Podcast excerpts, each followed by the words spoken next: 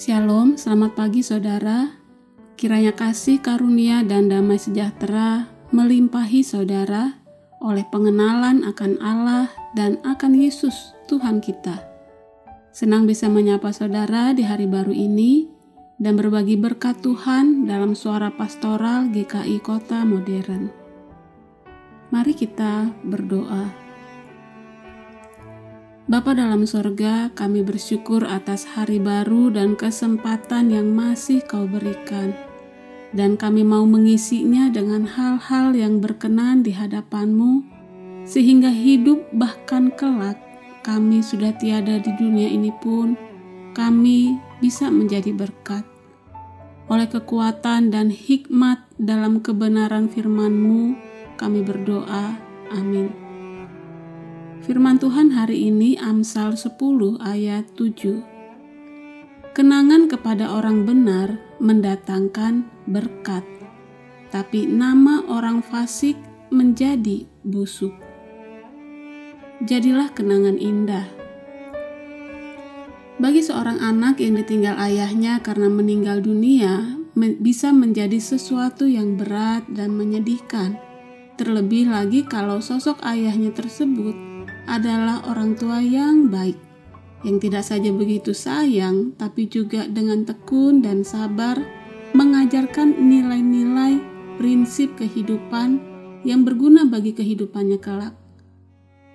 Belajar bertekun, tidak mudah menyerah, tetap jujur meskipun begitu sulit dan menggiurkan, dan lain sebagainya.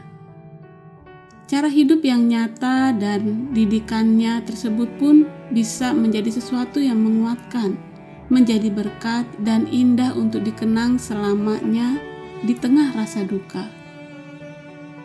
Ini menjadi suatu bekal yang berguna menguatkan untuk terus dia melangkah menjalani hidupnya. Bagaimana dengan setiap kita, saudara?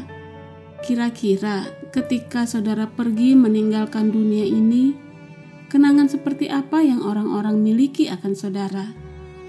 Apakah kenangan yang memberkati atau kenangan yang memalukan? Pasti setiap kita menginginkan supaya kelak kita dapat meninggalkan kenangan yang baik menjadi berkat. Dimulai dari perkara yang nampaknya sederhana tapi tidak mudah. Suami yang setia dan mengasihi istrinya, istri yang tetap setia, menghormati suami dalam kaya maupun miskin, anak yang belajar dengar-dengaran kepada didikan orang tua dalam takut akan Tuhan, seorang rekan yang setia dan mendukung dengan otentik, dan lain sebagainya.